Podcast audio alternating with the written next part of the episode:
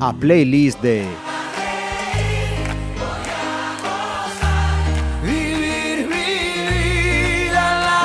Saludos a todos. Llegamos a otra edición más de esta playlist y tengo que decir, además, que mm, no es porque esté ella delante, ni muchísimo menos. Además, bueno, voy a decir su nombre. Teresa Casal, de verdad, bienvenido y muchas gracias por aceptar nuestra invitación. Estoy encantada de estar aquí con vosotros porque es- sois un grupo de gente a la que admiro mucho con este proyecto que empezasteis. Que conste que la admiración de los compañeros hacia, hacia ti no es peloteo, ya sé que suena así, pero que cuando ha llegado, cuando ha llegado le hemos hecho la, la puñeta de subir estas escaleras, vamos a decirlo así, pero ha venido y ha sido todos, bueno, casi, casi una fiesta. Para mí es una fiesta venir aquí porque siempre estaba prometiendo que iba a subir un Ajá. día. No sabía lo de las escaleras. Ahora ya lo sé. Pero no me importa, ¿eh? Si tengo que volver, vuelvo encantada, de verdad. Pues lo dicho, además, eh, si la memoria no me falla, eres la primera de las mujeres que viene a esta playlist. ¿Así? Sí, Bueno, pues hasta ahora teníamos todos chicos haciendo esta lista y la primera femina que nos va a acompañar en esta playlist es eh, Teresa. Eh, ¿Cómo te presentamos a día de hoy? Mm. Expolítica, abogada. mm, A día de hoy casi casi lo único que soy es ama de casa, pero bueno, lo que nunca quise ser en mi vida, como digo siempre, ¿no? Pero vamos, sí, un poco mi trayectoria, pues eh, entre lo que yo destaco más, mm, que parece que es lo que menos recuerda a la gente, es mis largos años al frente del centro de la UNED de Pontevedra, porque yo siempre decía que era la UNED de Pontevedra mi cuarto hijo. Porque realmente pues en la época en que yo estuve, no era trabajo solo de una persona, sino de un equipo, pues conseguimos que realmente existiera de verdad ce- ese centro, que se conociera y se ayudó a tanta gente que por, por motivos mm, diversos, pues en su época cronológica, digamos, adecuada, no había podido estudiar, que es para mí, es, sigue siendo un poquito, un trocito de mi corazón sigue estando allí. Y después, por supuesto, ejercí de abogada y fui, bueno, fui, no, yo diría que soy política, aunque no ejerza de política, porque yo la política es algo que llevé y llevo dentro antes de ejercer eh, como tal, y ahora que ya no ejerzo, pues sigo viviendo la política con mucha intensidad. Eh, nacida en Pontevedra y residente en Pontevedra. Sí, menos la época que estuve estudiando en Santiago y unos dos años y pico que fui a Murcia creyendo, bueno, horrible, esa etapa la quiero borrar porque es que hace muchos años, yo era muy joven y, y me encontré, era un cambio tan radical, o sea, yo aquí estaba acostumbrada a que aunque estaba casada yo seguía haciendo la vida de soltera porque sa- salía con mis amigas, nos íbamos de vino, bueno, esto que se hacía, ¿no? y aquí eran moros, que no se me ofenda ningún murciano, sí, sí, sí. pero te juro que era... No, no se te ocurriera ir a una cafetería sola.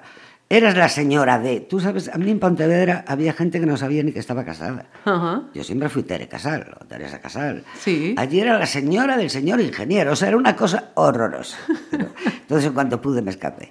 Pero menos esos dos intervalos, por eso yo siempre digo que yo soy pontevedresa de nacimiento y de elección. Yo dije, yo me voy a mi pontevedriña y de allí no me quita ninguén. Sí, señor. Y ahí sigo. Ujú.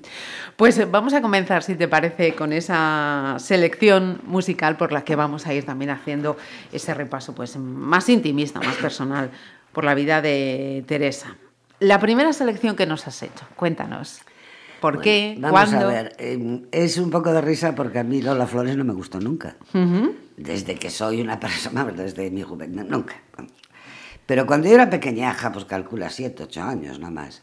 Yo hasta los 20 años a por ahí me, llevaban todos los veranos a la- una aldea de Lugo que se llama Ajá. Vilela, que tengo los mejores recuerdos de mi infancia y adolescencia allí, porque era una sensación de libertad, de, de que te ibas a la mañana de- con los chavales de por allí y, y hasta que te llamaban a gritos para comer o para lo que fuera, tú no volvías, ¿no? Aquí en Pontevedra yo siempre viví bueno, desde los dos años y pico, en lo que era la carretera de Orense, o sea, donde sigo Ajá. viviendo ahora, pero Sí. que era la carretera de Orense. Ujú. Tú no podías bajar solo a la calle ni hacer nada, no por peligrosidad de la que puede haber ahora, pero por coches y por Claro. cómo era. Y entonces allí era la libertad total. Bueno, y como yo era muy, yo no sé si de sandunguera, peliculera o teatrera, eso lo fui siempre. Yo me pasaba la vida cantando. Mi madre siempre dice que, que aunque me, me riñeran o lo que fuera, yo siempre estaba Teresa cantando. Siempre. Y entonces, pues había el típico bar de estas aldeiñas así que son de todo, que son tiendas, bares, donde pues todo el Club mundo se social, reunía, era claro. todo, está allí siempre. Y claro, a mí mis tíos me llevaban con ellos. Y entonces pues empezaron a subirme encima de la mesa y a que yo cantara. Y entonces yo el recuerdo que tengo, además muy vívido, era, tenía el pelo muy rizado y largo, y entonces yo me echaba así el pelo para adelante, plum, y para atrás, como hacía la señora Lola, sí. y cuando era aquello de no sé qué, corre por mis venas o algo, y yo hacía así con las venas. Bueno, y fí- fíjate cómo será, que eso era muy habitual, que hace unos años volví allí a, pues, al entierro de un tío, ¿no?, que se murió con 100 años. Y, y todos los viejos del lugar se acordaban De aquella niña de cuando me subía. llamaban Teruca Ah. y me decían, ay, pero ahora eres grande. O sea, quiero decir que como- yo era muy menudita, ¿entiendes? Muy, muy poquita cosa, siempre Ajá. eh, estaba, era la pastelito, porque siempre estaba un poco pachucha por algo.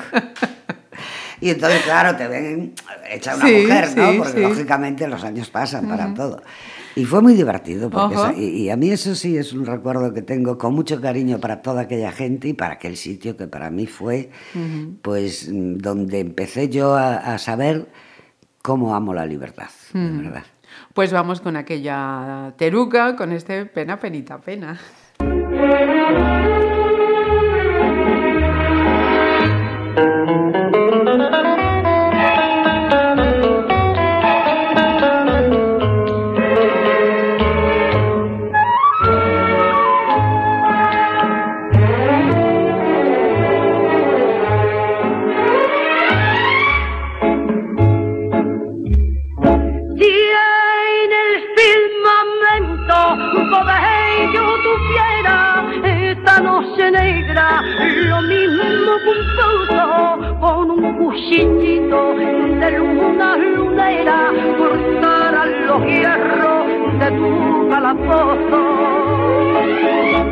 Si yo fuera reina de la luz del día, del grande del mar, Cordeles de esclava, yo me ceñiría por tu libertad.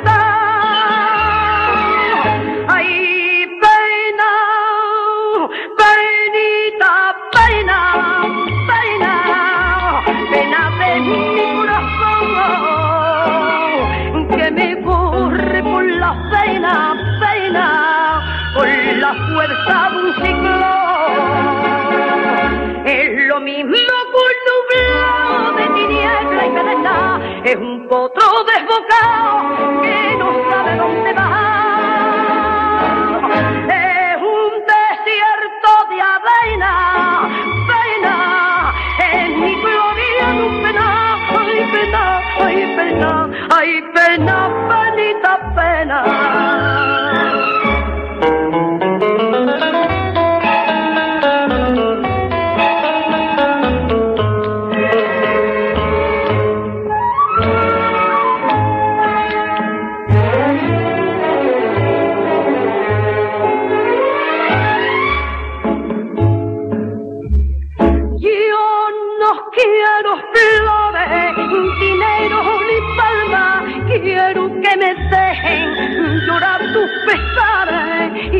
a tu vera, cariño del alma, bebiéndome el llanto de tus soleares.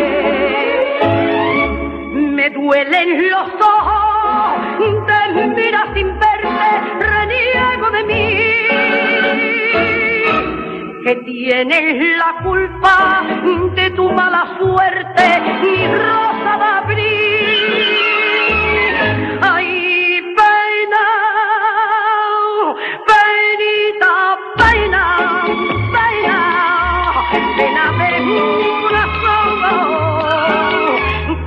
corre por la pena, pena, con la fuerza de un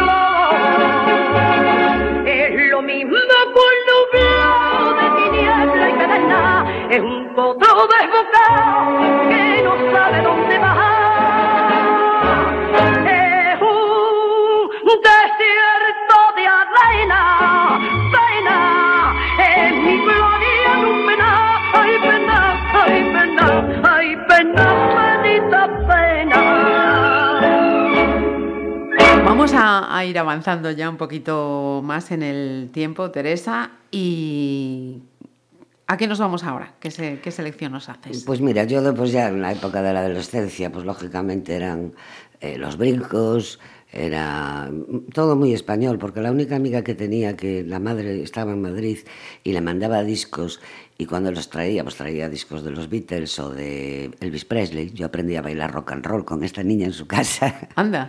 Sí, sí, sí, con aquellos discos, pero vamos, no te voy a decir ninguna concreta de esa época porque Ajá. fue muy divertido, lo pasábamos muy bien y era una novedad porque claro, ¿quién tenía un tocadiscos?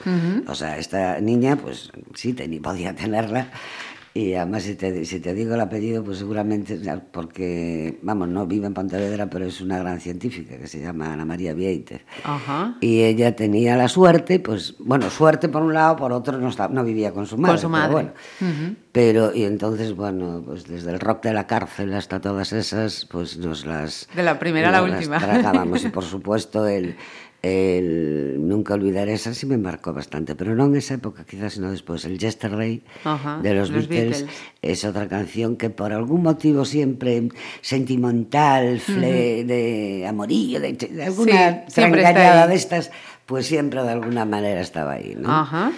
Eh, después ya, mm, en la época de Santiago, yo me fui con 17 años a estudiar a Santiago, y claro, hacíamos el recorrido de los vinos, ¿no? De, Por esa calle que no me acuerdo el nombre, que es paralela al Franco, que luego bajábamos por un callejón hacia Fonseca, y allí había una cafetería que tenía una máquina de discos, y allí siempre tomábamos aquel vino turbio, que yo siempre creí que el Ribero era así de turbio, hasta que más adelante Descubriste. probé un Ribeiro de verdad. Pero yo al principio, para mí el Ribeiro era aquella tacita llena de un vino todo turbio. Y, y fíjate, te vas a reír también porque eh, yo ahí siempre ponía dos discos. Uno era el Black is Black de los Bravos, el Mike Kennedy, aquel nos encantaba. Y, y el otro, Devuelve el Rosario de mi madre de María Dolores Pradera. Como verás, son dos canciones completamente Totalmente, antagónicas. sí, sí, sí. Pero cada una, eh, o sea, el Black is Black de alguna manera despertaba por la niña que era yo y que le Sí. gustaba la juerga, y la otra despertaba ese lado romántico que yo he tenido toda mi vida también. ¿no? Y entonces, pues a lo mejor en aquel momento me acordaba de algún, yo qué sé, alguna chorradilla de esas. Y esas Pero que dos, tienen su- esas su dos momento. mm, son, marcan mi etapa en, en el aspecto musical, mi etapa, digamos, de los primeros años de mi estancia en Santiago. En Santiago. ¿no? Pues vamos con las dos, si te parece.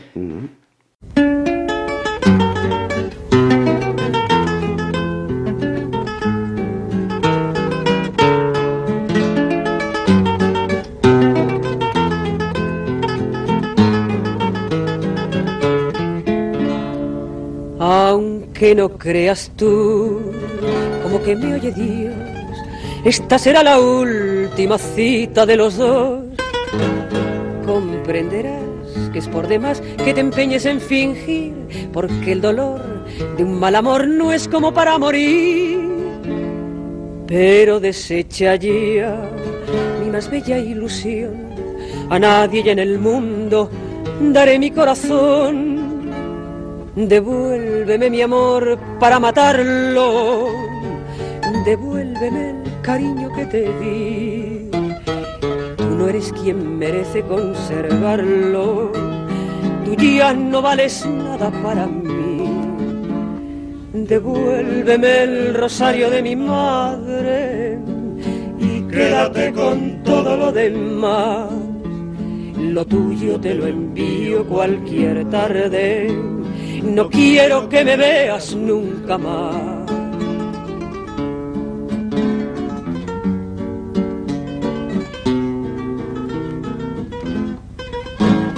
Comprenderás es por demás que te empeñes en fingir, porque el dolor de un mal amor no es como para morir. Pero desecha ya mi más bella ilusión, a nadie en el mundo daré mi corazón. Devuélveme mi amor para matarlo, devuélveme el cariño que te di no eres quien merece conservarlo, tú ya no vales nada para mí. Devuélveme el rosario de mi madre y quédate con todo lo demás. Lo tuyo te lo envío cualquier tarde, no quiero que me veas nunca más. Devuélveme el rosario de mi madre quédate con todo lo demás. Lo tuyo te lo envío cualquier tarde. No quiero que me veas nunca más.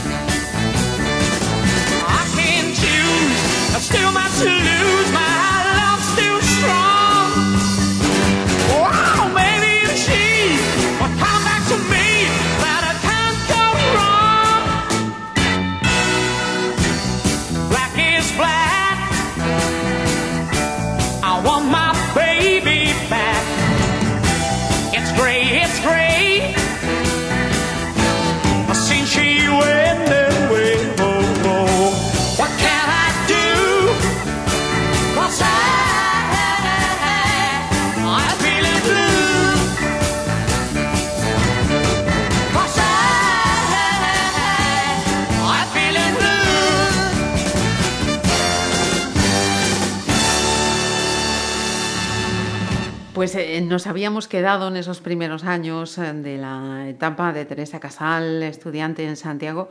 Que, ¿Cuál era la carrera que estabas haciendo? Derecho. Derecho. La etapa, una de las etapas más felices de mi vida, ¿eh? lo puedo asegurar. Fue descubrir. Tengo en cuenta que yo estaba en colegios de monjas desde los dos, tres años. Ajá. Eh, el primer año de estar en Santiago me metieron en una residencia de monjas porque mi hermana llevaba allí cuatro años. Ajá. Cluny. Aquello fue horroroso. Total que ese mismo al- me echaron al acabar el curso, le dijeron a mi padre, sentía mucho que yo era muy, ra- muy rabuda, muy rebelde y nunca olvidaré esa imagen de mi padre con el coche, porque en la época que había empezado mi hermana tenían que llevar incluso el colchón. Caramba. Cuando yo fui ya no, sábanas, pero no el colchón. Y entonces recuerdo esa imagen. Mi hermana llorando porque ella se fue por solidaridad conmigo, porque Sí. en aquella época, de aquella, Ajá. era bueniña, luego ya fue otra cosa, pero de aquella era demasiado bueniña. Y la vaca del coche con el colchón allí enredado o enrollado, no Sí. esa imagen no la olvidaré nunca. Pero yo era la mujer más feliz del mundo por irme de aquel sitio. Mm. Y, y entonces después ya conseguí que mi padre, yo de mi padre conseguía muchas cosas, él era más pequeña con diferencia. Y conseguía, yo creo que todo lo que me proponía. Y entonces conseguí que nos dejara vivir en un hostal que existe hoy, el Hostal Universal. Estaba justo enfrente de donde estaba el edificio Castromil, que hoy no sé si esa plaza es la Plaza de Galicia. No te puedo decir porque tengo que reconocer que Santiago lo justo, justo. Yo es que Santiago, mi segundo hijo se llama Jaime por Santiago, Ajá. porque yo adoro Santiago. Y, y entonces ahí ya fue una delicia. Te aseguro que nos vigilaban casi tanto, pero, pero bueno, no te permitían que subieras a nada. Sí. Pero tenían detalles tan divertidos como que comíamos en un bar que se llamaba Ferrol, que estaba al lado del Derby, por, la zona del Derby, y había en los bajos de este edificio del Castromil un bar que se llamaba Isla. Entonces a la hora de cenar yo me iba para allí con entonces era mi novio y algún compañero, amigo y tal. Y como estaba enfrente del hostal, si me, me llamaban mis padres, el señor, el conserje cruzaba y me decía, señorita Casal, que la llaman de casa. Allá iba yo corriendo y yo para mis padres estaba tranquilamente estudiando o lo sí, que fuera en, sí, en sí, el- sí. en mi habitación, ¿no? Entonces, por eso digo que esa época y allí, pues mm, entre una canción que creo que antes no te la dije, pero que a mí me marcó mucho, porque fue un concierto que hizo Raimón, a ti a lo mejor no sé si te suena. Sí, sí, sí. Era de los primeros cantautores, Ajá. protesta y Can- tal. eso es. Y dio un concierto en Santiago. Ajá. Allá creo que fue en el estadio de Santa Isabel, allá abajo. Y aquello fue un acontecimiento. Y entonces yo recuerdo coreando al Ben, la cara al Ben, les- los ojos, bueno, les es al Ben, al Ben. de- bueno, es una cosa que también marcó mucho tienes. una etapa de mi vida porque esa, ep- esa época contestataria, yo estuve en Santiago en el año 68, que es cuando nos encerramos en la universidad, bueno, lo que llamábamos universidad, Sí. que era el edificio de central, ¿no? Ajá. Y, y aquello, pues también es un recuerdo muy imborrable para mí. Y en esa época, por supuesto, eh, o después, bueno, la canción es de después, pero que de alguna manera va enlazada también al Alba de, de Aute, que es posterior, porque es de los 70, fue- con el tema, fue hecha un poco con el tema de, de las últimas ejecuciones franquistas, o sea, que ya digo, fue en los 70, pero la relaciono mucho con estas otras canciones Con ese porque momento. son, yo digamos que mis canciones van romanticonas por un lado Y marchosas. marchosas y, y con un contenido de rebeldía, De por así decirlo, Sí. ¿no? Siempre, ¿no?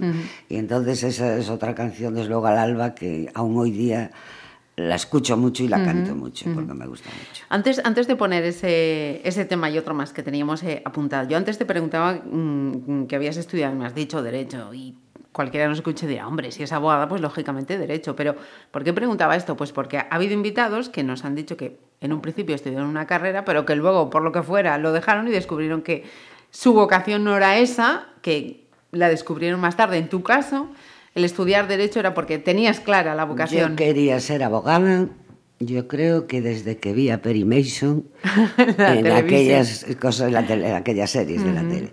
Esto lo dije un día, me acuerdo que me preguntaron, no me acuerdo en qué periódico. Y ya estando ejerciendo y Ajá. tal, ¿no? Y, y, bueno, cada vez que entraba a la audiencia los juzgados se reían de mí, mis compañeros. ¿no? Porque imagínate, el gran titular hizo Perry derecho Mason. por Perry Mason, ¿no? Pero me encantaban, Ajá. me siguen gustando mucho las películas de abogados. Sin embargo, Ajá. quizás lo que menos ejercí a lo largo de mi carrera, es un poco lo, de mi vida, un poco lo que decías tú antes. Pero realmente yo siempre quise hacer derecho. Y mi padre quería que hiciera farmacia. Y claro, yo con todo mi respeto a los farmacéuticos, que se lo tengo, mi padre era comerciante, tenía un Ajá. almacén, después fue el supermercado Casal, que duró poco, y ahora es el Freud, que está, que ya por supuesto no es de mi familia. Y, y entonces yo me acuerdo que yo era muy contestona, entonces yo le dije, papá, para ser una tendera, yo me quedo en la tienda contigo. Ajá. O sea, por eso digo con todo mi respeto. sí, ¿eh? sí, que, sí. que- Yo respeto mucho la profesión de todo el mundo, pero, a mí pero la para estar ahí en un sensación establecimiento es que yo a la farmacia público, iba a comprar claro. algo, Sí, igual sí, que el sí. otro señor, ya digo, con todas las diferencias Ajá. que tienen los temas. Pero yo estaba, estamos hablando de cuando tenías 15, 16 años y te empezaban a preguntar qué quieres hacer, ¿no? Y entonces me acuerdo que esa fue la contestación que le di. Ajá. Y siempre quise hacer derecho. Lo que pasa es que luego la vida sale por donde sale. Porque también de esa decía que no me iba a casar nunca. Y me- mira. y me casé a los 22 años, o sea que se me dirás qué quieres que te diga. Hay cosas que se presentan en la vida y por que, eso, te, por eso que es que- te dan la vuelta, te dan la vuelta. Nos habías comentado antes de este in- inciso sobre la vocación, la profesión, ese tema de Aute al alba, pero también nos habías eh, señalado como una de las seleccionadas a otro también cantautor, señalado también de esos momentos como Víctor Manuel. Sí, y de- de- te hablaba de la romería, que la asocio más pues con las fiestas de la peregrina, Ajá. las verbenas de las fiestas de la peregrina, que la gente que no vivió aquello no se puede imaginar lo bien que lo pasábamos, eh, en el sentido de que era... mm, un- a mí siempre me gustó mucho la noche, ¿no? Yo Ajá. creo que casi, casi toda la gente jovencita y tal le gusta la noche. Entonces, eso de que pudieras estar hasta la una, una y media de la mañana, porque todos los días que nos dejaban ir a la verbena, mi hermano Tino, el segundo, se pasaba, yo procuraba esconderme cuando se acercaba a la una, una y media, meterme para un sitio. Escaquear. Con lo cual, yo creo que su novia, que ya tenía la día es su mujer desde hace muchísimos años, me odiaba un poquito, ¿no? Porque decía, estás más pendiente de tu hermana que de mí y tal. Porque siempre andaban a ver dónde está, esa etapa de mi vida ya era Marité. ¿Dónde está Marité y tal? Buscándome porque a mí me encantaba. Y entonces la romería eh, que no tiene que ver con lo que eran las fiestas aquí, pero sí con las romerías que yo viví en la aldea de que te hablaba antes, Sí. yo la asociaba siempre con esa, eh, esa diversión. Tú ten en cuenta que te estoy hablando de una época, eh, los años 60, en que no íbamos a las cafeterías, o sea, eras muy cría, y entonces no podías ir. Eh, mis hermanos pues iban al teucro, iban al casino, al mercantil, iban más que Sí. al casino. Yo no, yo pues con 14, 15, 16 años no podías ir a ningún sitio de esos. Entonces las verbenas de Pontevedra y las romerías de la aldea en Claro, Vilela, era la ocasión de la fiesta. Era la ocasión de la fiesta y a mí bailar me encantó toda la vida. O sea que ya está. Pues eh, vamos con esos dos momentos entonces, la romería de Víctor Manuel y al alba de Aute. Sí, que además también contrastan mucho. Si te dijera que temo a la madrugada, no sé qué estrellas son estas que hieren como amenazas, ni sé que sangra la luna al filo de su guadaña. Presiento que tras la noche la noche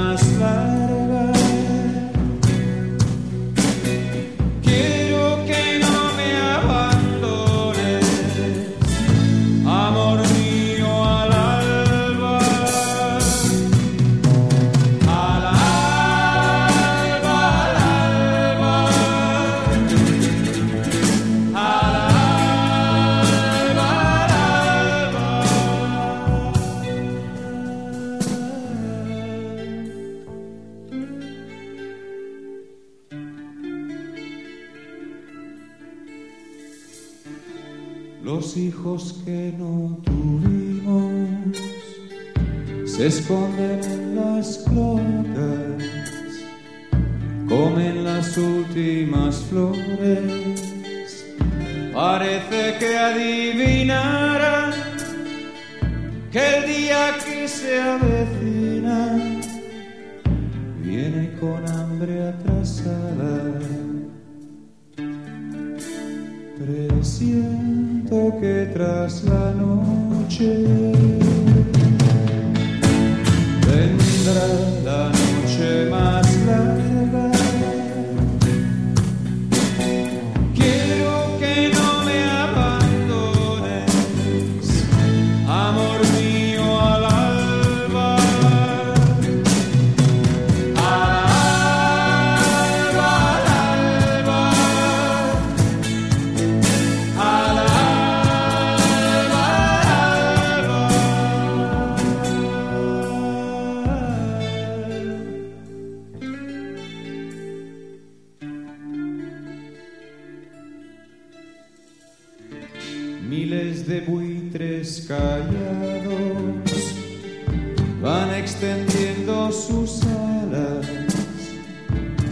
destroza, amor mío, esta silenciosa danza, maldito baile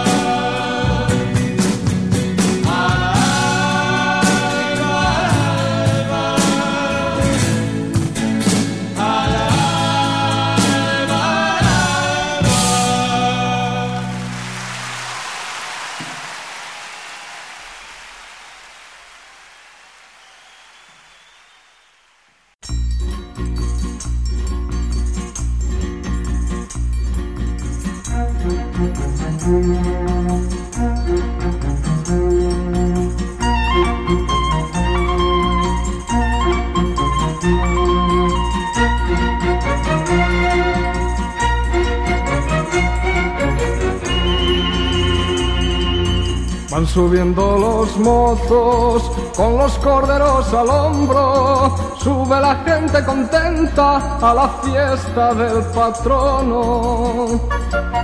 Sube la niña que estrena zapatos, novio y un bolso.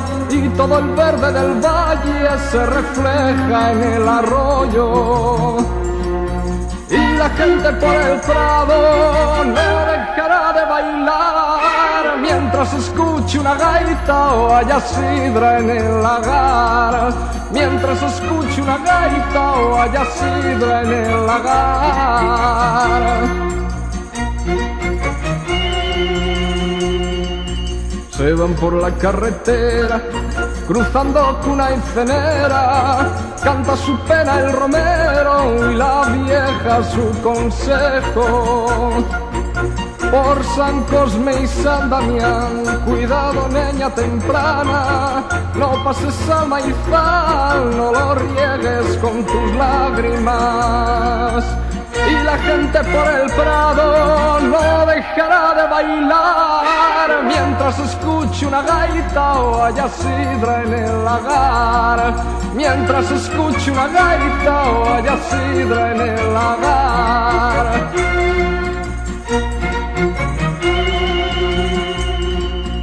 Hay una empinada cuesta para llegar a la ermita y las campanas repican, los romeros van a misa. Y el pastor con su rebaño, con su zurrón y las vacas, quiere ser luz o campana y despertar a su amada. Y la gente por el prado no dejará de bailar mientras escuche una gaita o haya sidra en el lagar. Mientras escuche una gaita o haya sidra en el lagar. Mientras escuche una gaita o haya sidra en el lagar. Mientras escuche una gaita o haya sidra en el lagar.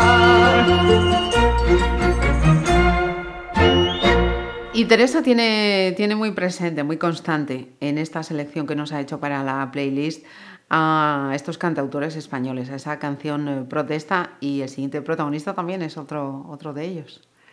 Pues mira, yo reconozco que aún hoy día mm, quizás mm, mis, mis- la música que yo pongo cuando estoy en casa, eh, leyendo, me encanta, es una de las cosas que, que ahora puedo hacer más a menudo y disfruto mucho de ello.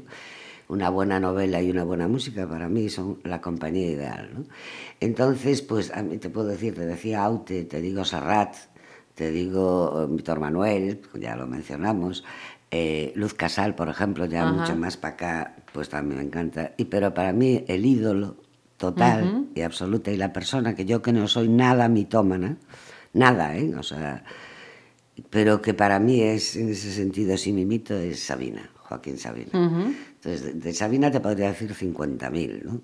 Pero me voy a quedar casi con Calle y Melancolía Ajá. porque de alguna manera para mí por lo menos representa o representaba eso de que siempre quiero ir a un sitio mejor de donde estoy, pero no doy llegado, como quien Ajá. dice, ¿no? Y pues a lo largo de la vida eh, esa circunstancia pasa muchas veces, ¿no? Cierto, cierto. y, y quizá con esa, ¿no? Eh, yo no sé si antes te mencioné a mí una canción que me encanta de Serrat, es Mediterráneo. Ahí no tiene ni- ninguna connotación especial, ¿no? Para mí sería Atlántico más que Claro. Mediterráneo. Pero dice lo que yo querría decir de mi Atlántico, por así decirlo, ¿no? Sí, es ese sentimiento en distintas ubicaciones, pero el Exactamente, sentimiento... pero el sentimiento Ajá. va por ahí. No hay ninguna canción que yo conozca que exprese también el amor. Yo soy una persona que no puedo estar mucho tiempo lejos del mar. Ajá. No soy nada, ni nado bien, ni navego, ni nada. Es ver el mar, la sensación de que cuando quiero me puedo acercar, me cojo mi coche o voy como sea y, Y veo el mar. sí, y entonces sí. para mí, yo me acuerdo con lo que te decía antes de cuando nos fuimos a, a Murcia. eh, mi marido quería, él es ingeniero agrónomo, realmente en Galicia, eh, bueno, siempre fue funcionario y le fue estupendamente, pero para la, para la agronomía era mucho mejor una zona de, o de Levanto del Sur, ¿no? Yo la única condición que le puse es que fuera un sitio cerca del mar. Sí. Por eso acabamos en Murcia, porque también relativamente tiene cerca Tiene el mar. cerca, sí, señor. Y, y bueno, pues esas mm, que te dije ahora, Mediterráneo y... Y, Calle Melancolía de Calle Sabina. Melancolía. Pues vamos de dos en dos hoy. Venga.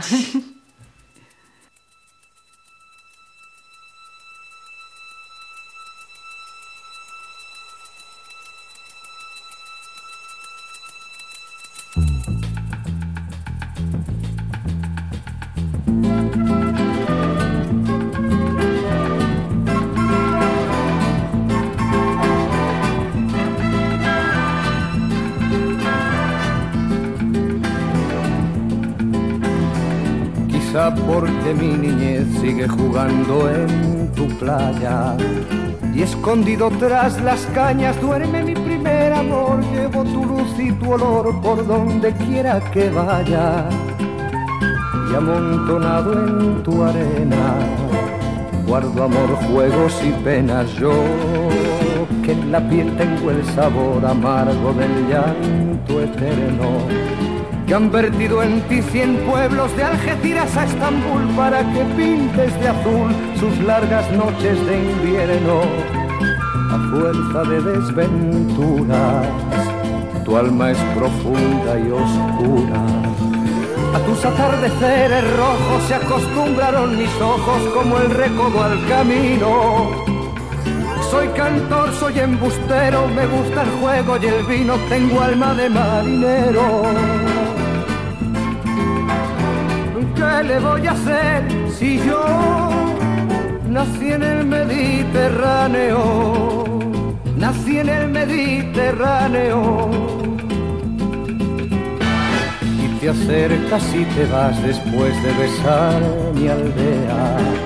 Jugando con la marea, te vas pensando en volver, eres como una mujer perfumadita de brea, que se añora y que se quiere, que se conoce y se teme. Ay, si un día para mi mal viene a buscarme la parca, Empujar al mar mi barca con un levante otoñal y dejad que el temporal desguace sus alas blancas. Y a mí enterradme sin duelo entre la playa y el cielo. En la ladera de un monte más alto que el horizonte quiero tener buena vista. Mi cuerpo será camino, le daré verde a los pinos y amarillo a la genista. Cerca del mar porque yo nací en el Mediterráneo, nací en el Mediterráneo, nací en el Mediterráneo.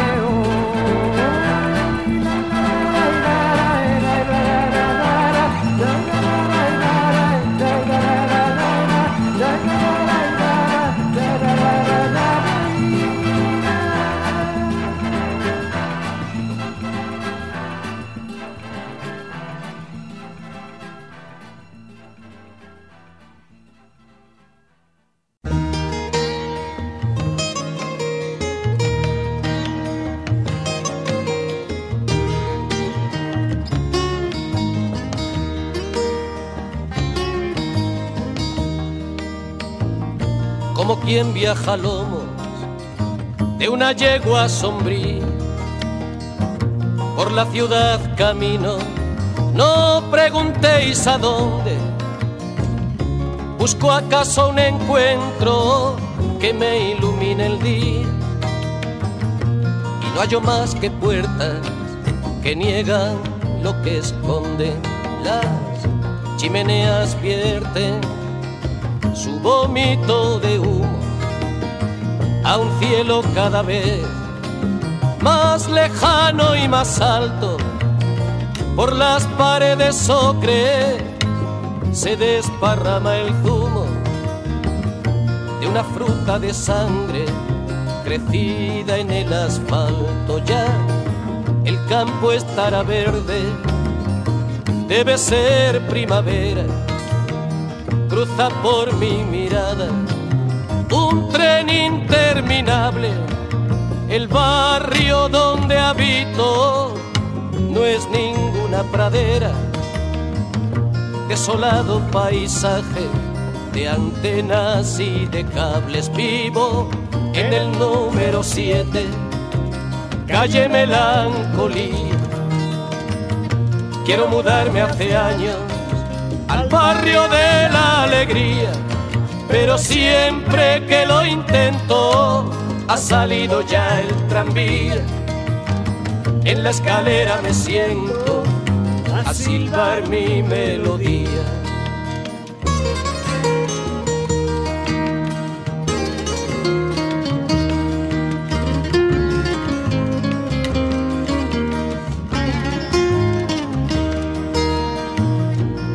Quien viaja a bordo de un barco enloquecido que viene de la noche y va a ninguna parte. Así mis pies descienden la cuesta del olvido, fatigados de tanto andar sin encontrarte. Luego, de vuelta a casa, enciendo un cigarrillo ordeno mis papeles, resuelvo un crucigrama, me enfado con las sombras que pueblan los pasillos y me abrazo a la ausencia que dejas en mi cama. Trepo por tu recuerdo como una enredadera que no encuentra ventanas donde agarrarse soy esa absurda epidemia que sufren las aceras. Si quieres encontrarme, ya sabes dónde estoy vivo, en el número 7, calle Melancolía. Quiero mudarme hace años al barrio de la alegría pero siempre que lo intento ha salido ya el tranvía. En la escalera me siento a silbar mi melodía vivo en el número 7, calle Melancolía. Quiero mudarme hace años al barrio de la alegría, pero siempre que lo intento ha salido ya el tranvía. En la escalera me siento a silbar mi melodía vivo. Pues eh, acabamos de escuchar a Sabina y nos vamos ahora con una voz femenina. ¿Por qué y, y quién, Teresa? Cecilia. Cecilia era una chica que, mm, por ejemplo, el tipo de, de ropa que llevaba, yo me identificaba mucho con ella. Yo siempre fui así medio hippie en el vestir, Sí. incluso una cosa por la que me criticaban cuando estaba en el ayuntamiento, no te lo pierdas. Toma. Había, había quien Mira, le eso me gustaba, yo ahora. había quien le gustaba y había quien decía, pero esta señora qué tal. Pero yo en eso nunca me tatué las modas. Yo, Ajá. en el tema de vestir o de peinarme o de lo que sea. mm, Siempre tuve un gusto por Sí, tu identidad, mi tus identidad gustos y- claro. y no tengo y me importa un comino que se lleve la falda larga si a mí me gusta corta o al revés ¿no? Entonces y Cecilia y luego a mí te vas a, también es, me identifico con la canción Un ramito de violetas, porque en esa canción eh, dice cada 9 de noviembre, Noviembre. creo que. Y yo me casé un 7 de noviembre. Ajá. Entonces yo lo identificaba, pues en el sentido, y te estoy hablando ya de a lo largo de mi vida y de todos los años que llevo casada, de esa sensación que a veces tienes de que lo que está en casa, pues mm, no tiene muy visto, pero que siempre llegas a la conclusión de que lo mejor que hay es lo que tienes en casa, ¿no? Que para mí es un poco lo que dice esa canción. Y, y por eso también la, la tengo ahí muy señalada en mi vida.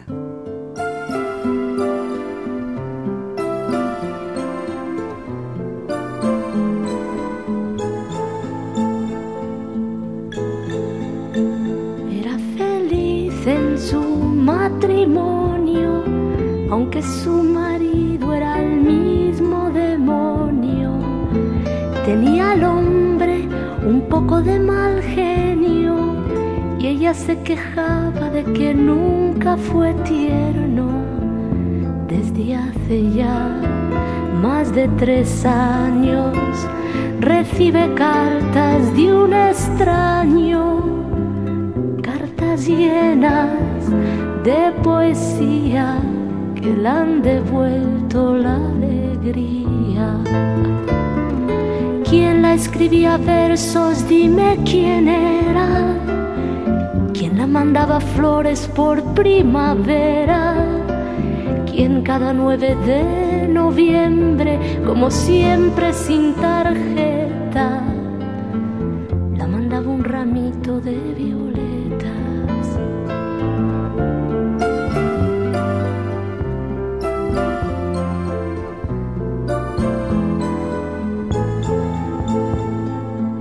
Veces sueña y se imagina cómo será aquel que tanto la estima. Sería un hombre más bien de pelo cano, sonrisa abierta y ternura en las manos. No sabe quién sufre en silencio, quién puede ser su amor secreto así de día en día con la ilusión de ser querida.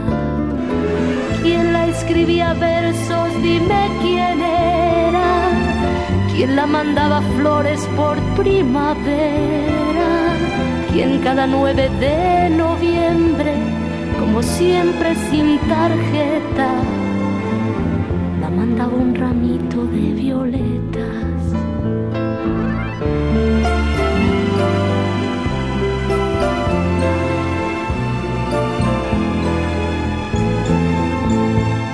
cada tarde, al volver su esposo, cansado del trabajo, la mira de reojo. No dice nada porque lo sabe todo. Sabe que es feliz así de cualquier modo. Él es quien la escribe versos. Él su amante, su amor secreto y ella que no sabe nada mira a su marido y luego calla. ¿Quién la escribía versos? Dime quién era. ¿Quién la mandaba flores por primavera? ¿Quién cada 9 de noviembre, como siempre sin tarjeta,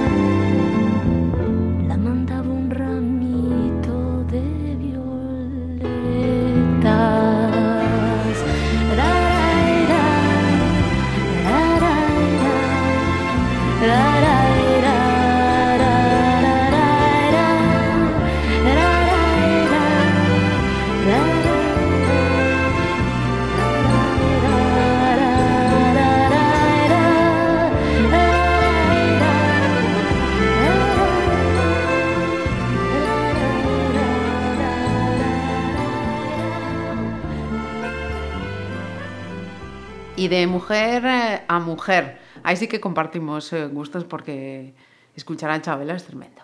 Bueno, Chabela, para mí Chabela Vargas, aparte de ser un ejemplo de mujer eh, en todos los sentidos.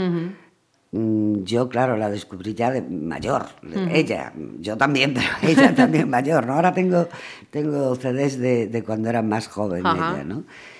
Conocer un poco su vida, eh, ese resurgimiento que consiguió hacer, que debe ser dificilísimo, Tremendo, ¿no? tremendo. de ser una alcohólica perdida, de pasar todo lo que pasó y conseguir, y a sus, yo no sé si tenía casi 90 años cuando se Cuando falleció, sí. y seguir con esa voz rota, porque además a mí esas voces, a mí me gustan mucho las voces, Mm. es quizá porque yo siempre tengo una voz así, Fuerte, grave, grave, contundente, sí. y, y- y esta mujer me impresionaba. Hay miles de canciones de Chabela que a mí me llegan, pero te voy a decir La Llorona, porque yo hice muchos viajes, muchos viajes con mis tres hijos, Pontevedra, Madrid, Madrid, Pontevedra, porque claro, los abuelos de, de- por parte de, de su padre estaban en Madrid, los, los de aquí estaban aquí, entonces claro, todo el año estaban con los abuelos de aquí, había que ir a ver. Y entonces Claro. era Navidades, Semana Santa, eh, verano. Entonces eh, eran unos viajes tremendos, porque eran tres niños con diferencias de dos años entre ellos. Ajá. O sea, calcula, si el mayor tenía cinco, el siguiente dos y medio, y la tercera seis meses, por ejemplo, pues calcula, ¿no? Eran agotadores. Entonces, ellos me pedían que les cantara. Yo les cantaba de todo, pero canciones de estas, de los panchos de mayores y tal. Sí. Pero la que más me pedían era La Llorona. Ajá. Entonces yo, esa canción es que, ah, mira, pues comentando con mi hija que tenía que venir aquí, dijo, mamá, no te olvidarás de La Llorona. Y yo no me olvido de La Llorona. Entonces ya digo, es esa, esa canción, porque después cuando eran mayores, un poco más mayores, 7, 8, 10 años, pues ya poníamos los cassettes, pues yo qué sé, de Vicky Vikingo, de... La Claro, Oveja es lo que toca. De todo eso, ¿no? Sí. Pero cuando eran más pequeños, ellos lo que querían es que yo, y llegaba agotada, madre, entre torcer la cabeza continuamente, yo decía a mi marido, por favor, déjame conducir un poco, porque es que yo llego a Madrid hecha polvo. Doblada. Pero mi marido en eso, que no es nada machista en general, pero nada, ¿eh? Pero él también se encontraba mucho más a gusto conduciendo que atendiendo a los niños, esa es la verdad. Ajá. Y entonces a mí me tocaba la parte yo considero dura del viaje. Y fueron muchos viajes de Dios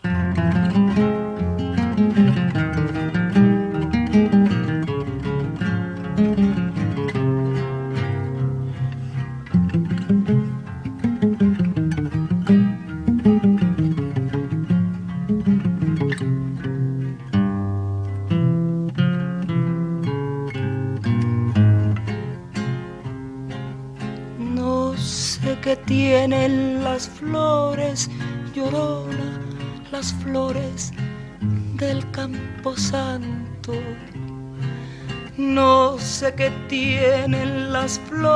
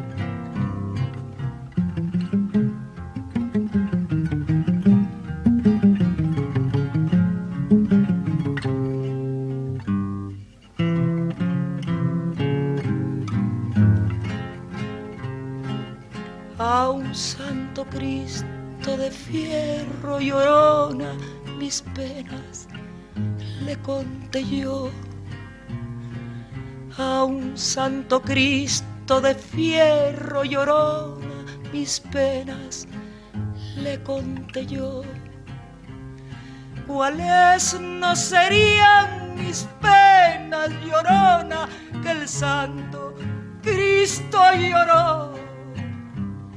¿Cuáles no serían mis penas, llorona, que el santo Cristo lloró? De mi llorona, llorona de un campo lirio. Ay, de mi llorona, llorona de un campo lirio. El que no sabe de amores llorona, no sabe lo que es martirio. El que no sabe de amores llorona, no sabe lo que es martirio.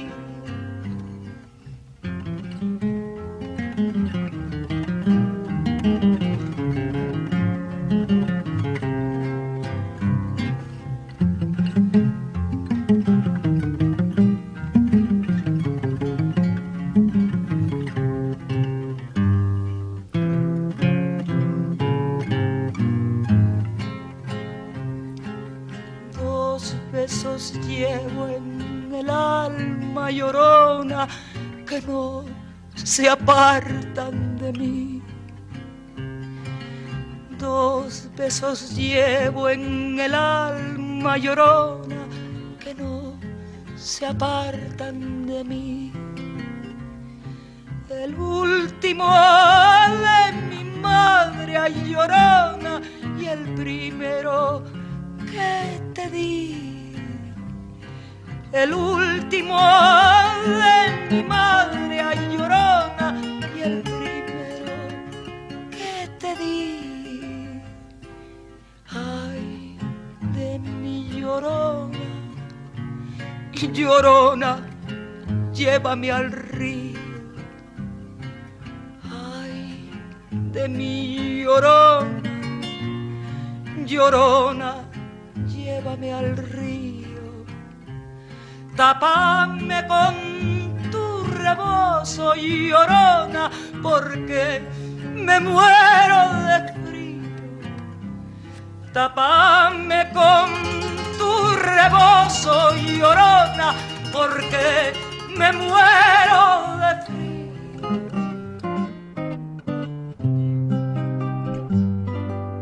Todos me dicen llorona, negro, pero cariñoso. Todos me dicen el negro, llorona, negro, pero cariñoso. Yo soy como el chile verde llorona, picante, pero sabroso. Yo soy como el chile verde llorona, picante, pero sabroso. Ay, de mi llorona, llorona, llorona, llévame al río, tapame con tu rebozo, llorona, porque me muero de frío.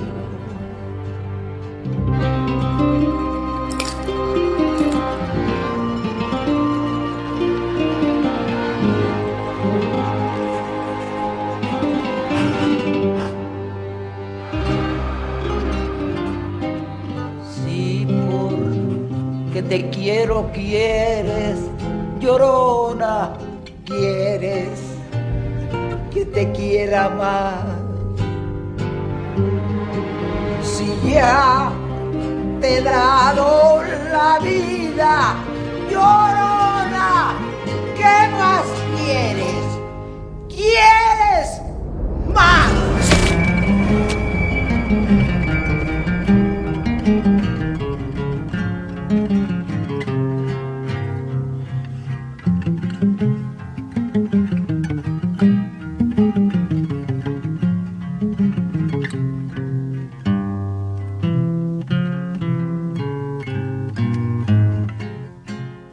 mencionado eh, eso, el, el- el carácter, la valentía que ha tenido esta mujer y me, me vas a permitir que, que eso lo comparta contigo.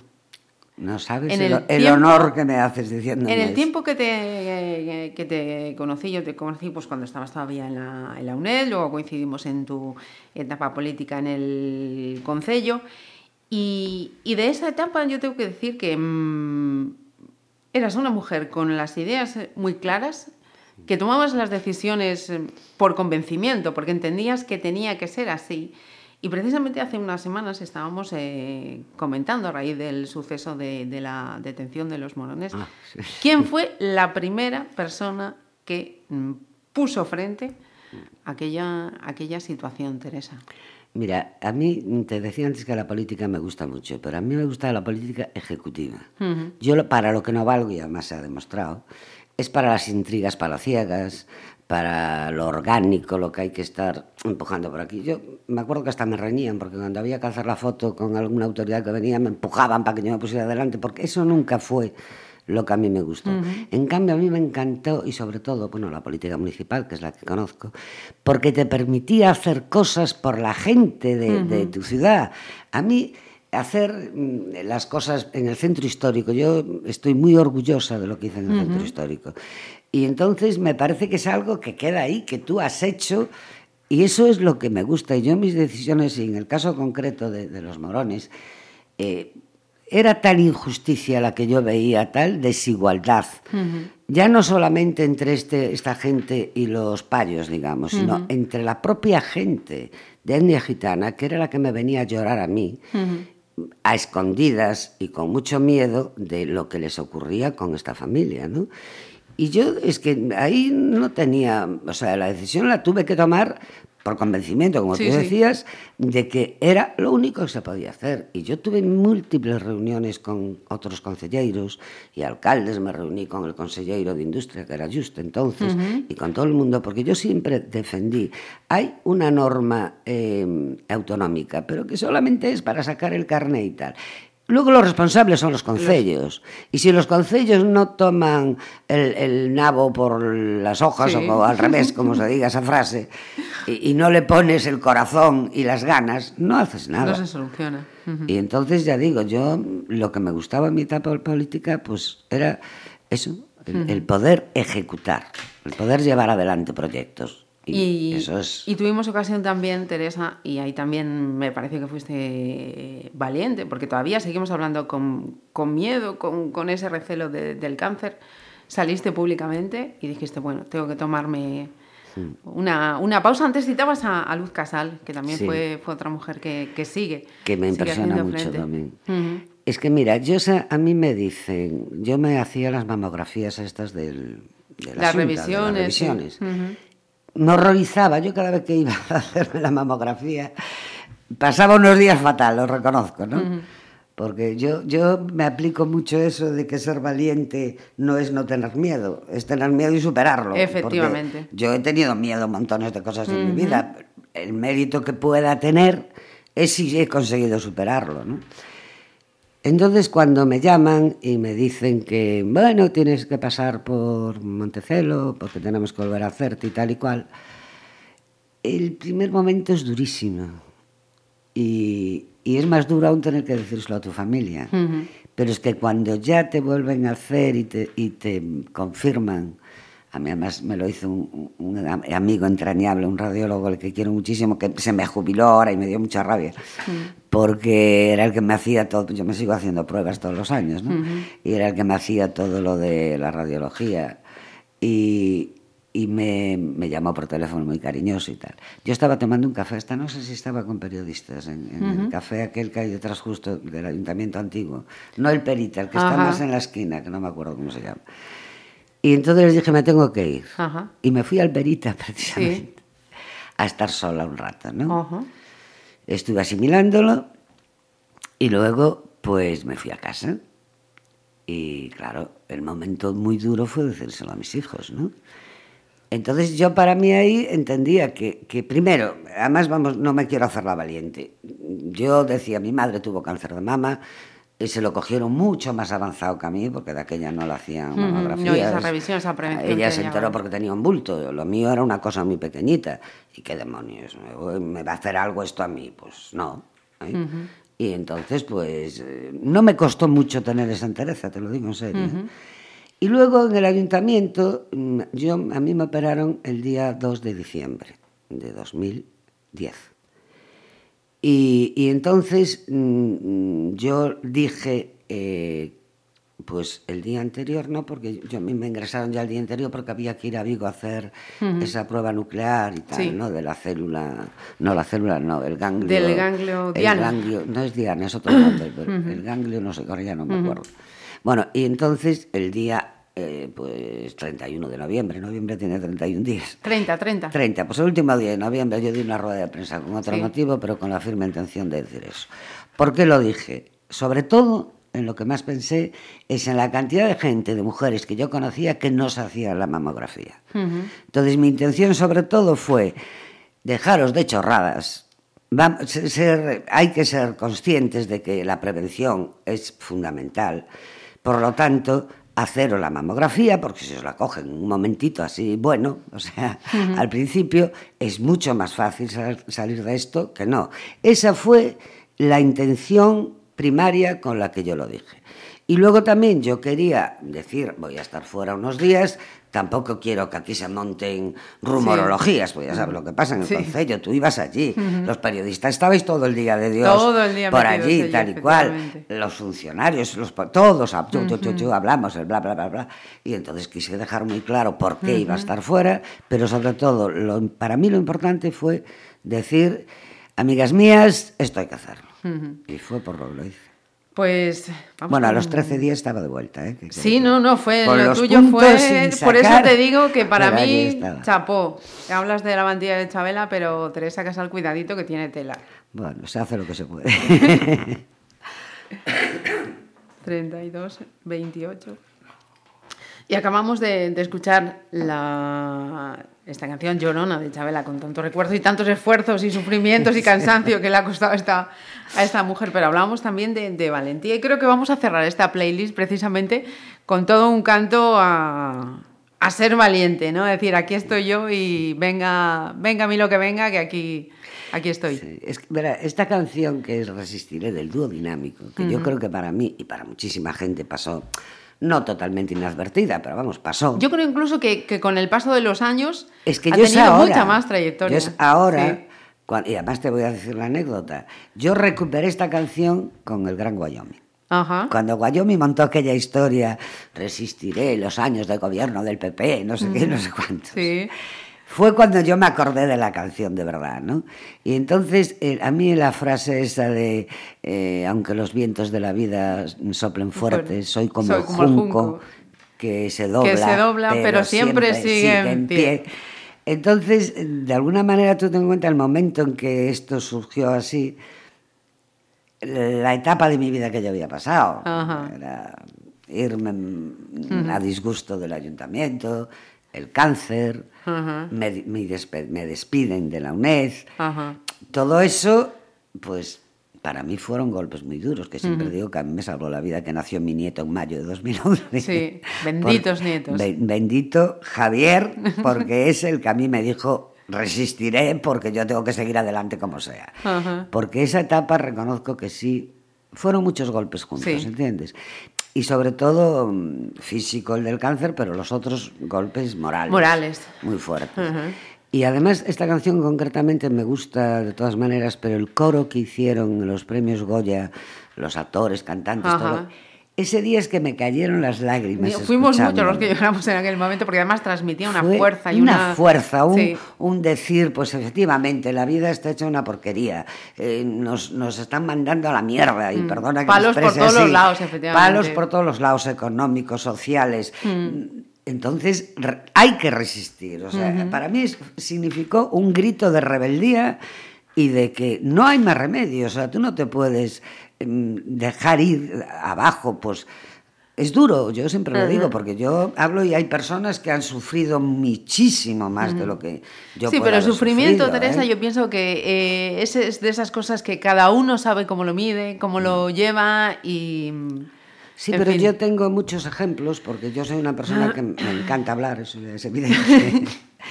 Hablo mucho con la gente por la calle porque me pasa una cosa curiosísima. O sea, yo de verdad que nunca quería que me pasara esto. A mí me para mucha gente por la calle, gente que lo primero que me dice es, tú no me conoces, pero mira, yo es que te recuerdo y y bueno, me dicen unas cosas que me da vergüenza a mí misma rep- reproducirlas, ¿no? Pero que tú sabes lo que te, Sí, la alegría y el lo que- corazón y la satisfacción y decir, bueno, no fue en vano, ¿no? O sea, mi paso por el ayuntamiento para mucha gente, o por, por lo menos para aquellos que, que, que- Porque yo sería incapaz de parar a alguien que no conozco y decirle, Sí. oye, mira, me pareces un campeón. Yo, Ajá. mm, A mí me costaría también, sí. Yo no soy capaz, o sea, yo, aunque parezca que no, soy una persona tímida para todas esas cosas. Entonces me admira y entonces es lo que te quiero decir, hablando con la gente, la gente te cuenta su vida y es terrible, Ajá. terrible. Yo tengo ahora una señora que se sienta en el portal de mi casa todos los días, tiene 75 años. Ujú. Es una señora que tú la ves y su aspecto es limpio, incluso yo diría que elegante, ¿no? Ajá. Entonces me llamó tanto la atención que le pregunté. Ella es vasca y tiene el aire ese vasco también así, ¿no? Y, y me dijo, pero ¿y qué hace usted aquí y tal? Y dice, es que en mi pueblo no me atreví a pedir. Por eso me tuve que ir, porque allí no me atreví a pedir. Y bueno, no voy a contar que a lo mejor la señora no quiere que cuente nada, pero quiero decir que es de esas cosas que dices, si tú te quejas. Ujú. Esto sí que es destrozar una vida. Está pendiente de que le den, no sé si es la no contributiva o una pensión así de ese tipo, que yo le dije que podía, es más, hablé con el concello, pero es que ella no quiere que se la arreglen aquí porque se la están arreglando allá de donde ella es. Y claro, la diferencia, eh, así está Galicia, Es sustancial. es sustancial, económicamente hablando. Sí. Y entonces la pobre prefiere seguir esperando a que le acaben los trámites y tal. Entonces, te cuento eso que es un detalle mínimo de todo lo que a mí me cuentan por la calle la gente, ¿no? Y sobre todo, la angustia que nos da a todas las que somos madres, el ver que nuestros hijos no van a vivir mejor que nosotras. O sea, esa tontería que decían, es una tontería, porque yo hasta, hasta hoy escu- escuché una cosa en la radio que me puso un poco de mal humor. Es normal que el afán de unos padres sea que sus hijos vivan, si no mejor, igual de lo que ellos vivieron. Y hasta ahora, digamos que esto se iba consiguiendo, Sí. ¿no? Pero ahora estamos en una etapa en que nuestros hijos o no tienen trabajo, o tienen unos trabajos Que no se Con corresponden, dos carreras, ¿no? no sé, másters y no sé qué, no se corresponden con su preparación, no se corresponden con nada, o se tienen que ir fuera. Y, y eso mm, es muy duro para, para la gente, ¿no? Y entonces yo creo que es que el grito este de resistiré tiene que ir acompañado de una canción que no te dije, pero que cantamos mucho en Santiago cuando estábamos en las movidas, que era el Vencerémonos. Ah, mira, este no lo conozco. El Vencerémonos, pues mira, era una canción que yo la recuerdo cantada, yo creo que era esta mujer que sigue cantando hoy día, americana, es muy country, pero muy, muy de protesta. Ay, Dios mío, de melena larga, conocidísima. Luego me acordaré. Y luego seguro. que cuando Sí, le sí. demos al off no, no saldrá. Me acordaré seguro, porque es una, una mujer a la que yo admiro muchísimo también, pero ahora no le da la gana de venirme el nombre. Entonces esa canción la cantábamos mucho cuando los grises nos rodeaban, por ejemplo, en Ajá, Fonseca. En sí. Fonseca nos estábamos manifestando dentro del claustro y los grises todos por ahí alrededor, después de haber cargado delante de la universidad y cosas de esas. ¿no? Y entonces siempre acabamos cantando, es, es algo así como venceremos nos, venceremos nos, algún día venceremos. No te canto porque tengo la voz como para cantar. Oye, esto es un lujo. Es desde, desde, desde o fondo da noite, dime o corazón, que algún día venceremos. Ajá. Y es la típica canción que ya digo, resistiré, pero venceré. Ajá. Eh, Un poco yo las, las engarzo a las dos. Joan Pues, Baez, Joan Baez, vale. Joan Baez. Vale, sí, efectivamente. Una mujer a la que admiro muchísimo también. Pues eh, Teresa, eh, nos vamos a quedar con ese mensaje de resistencia, de victoria y de verdad. que muchísimas gracias y ya sabes que las puertas de Pontevedra Viva, sin ascensor, pero están abiertas. Tenéis que montar un juego de poleas por la ventana. Pero sí, yo siempre que queráis, mira, yo creo que fui una de las primeras que colaboró con, con Pontevedra Viva cuando me lo pidió Ancho Logrido, al que quiero muchísimo también. Bueno, a todos, porque a Ramiro, al, al hijo, a Natalia, Alex, Diego, a ti, a Natalia, todos, o sea, Óscar. Sois una gente que para mí, no sé, os tengo mucho cariño, chica. Y, y me gustó, y, y yo todo lo que pueda poner mi granito de arena, pues encantada la vida, porque como te decía antes, mi vida casi se reduce a ser ama de casa y no me gusta, no me gusta nada. Bueno, yo, yo sé que de abuela te sales. No, sí, la abuela, porque tengo un nieto que se lo merece todo. Y unos hijos que también se lo merecen. Y además cocino muy bien, mujer, si es gracioso. Jolín. Nada, la próxima cita, como, como hace Bertina ahora, ¿en tu casa o en la mía? Cuando quieras, Marisa, cuando quieras.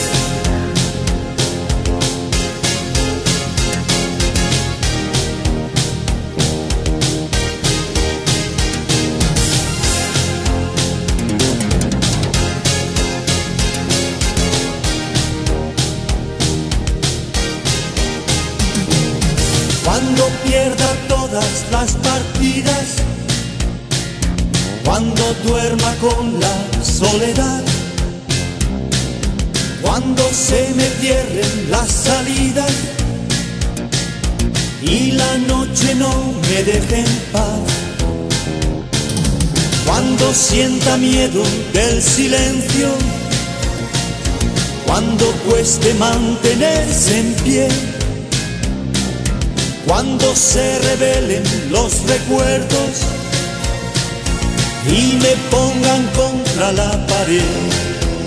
Resistiré erguido frente a todo, me volveré de hierro para endurecer la piel y aunque los vientos de la vida soplen fuerte, soy como el junco que se dobla, pero siempre sigue en pie. Resistiré para seguir viviendo.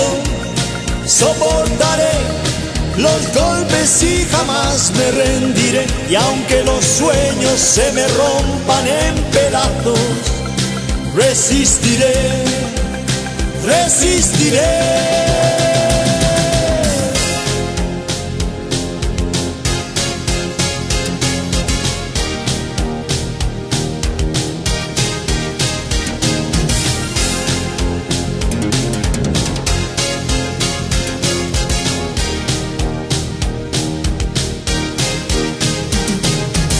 Cuando el mundo pierda toda magia, cuando mi enemigo sea yo, cuando me apuñale la nostalgia y no reconozca ni mi voz, cuando me amenace la locura, cuando en mi moneda salga cruz cuando el diablo pase la factura, o si alguna vez me faltas tú, resistiré erguido frente a todo, me volveré de hierro para endurecer la piel, y aunque los vientos de la vida soplen fuerte, soy como el junco que se dobla, pero siempre sigue en pie. Resistiré para seguir viviendo. Soportaré los golpes y jamás me rendiré. Y aunque los sueños se me rompan en pedazos, resistiré, resistiré.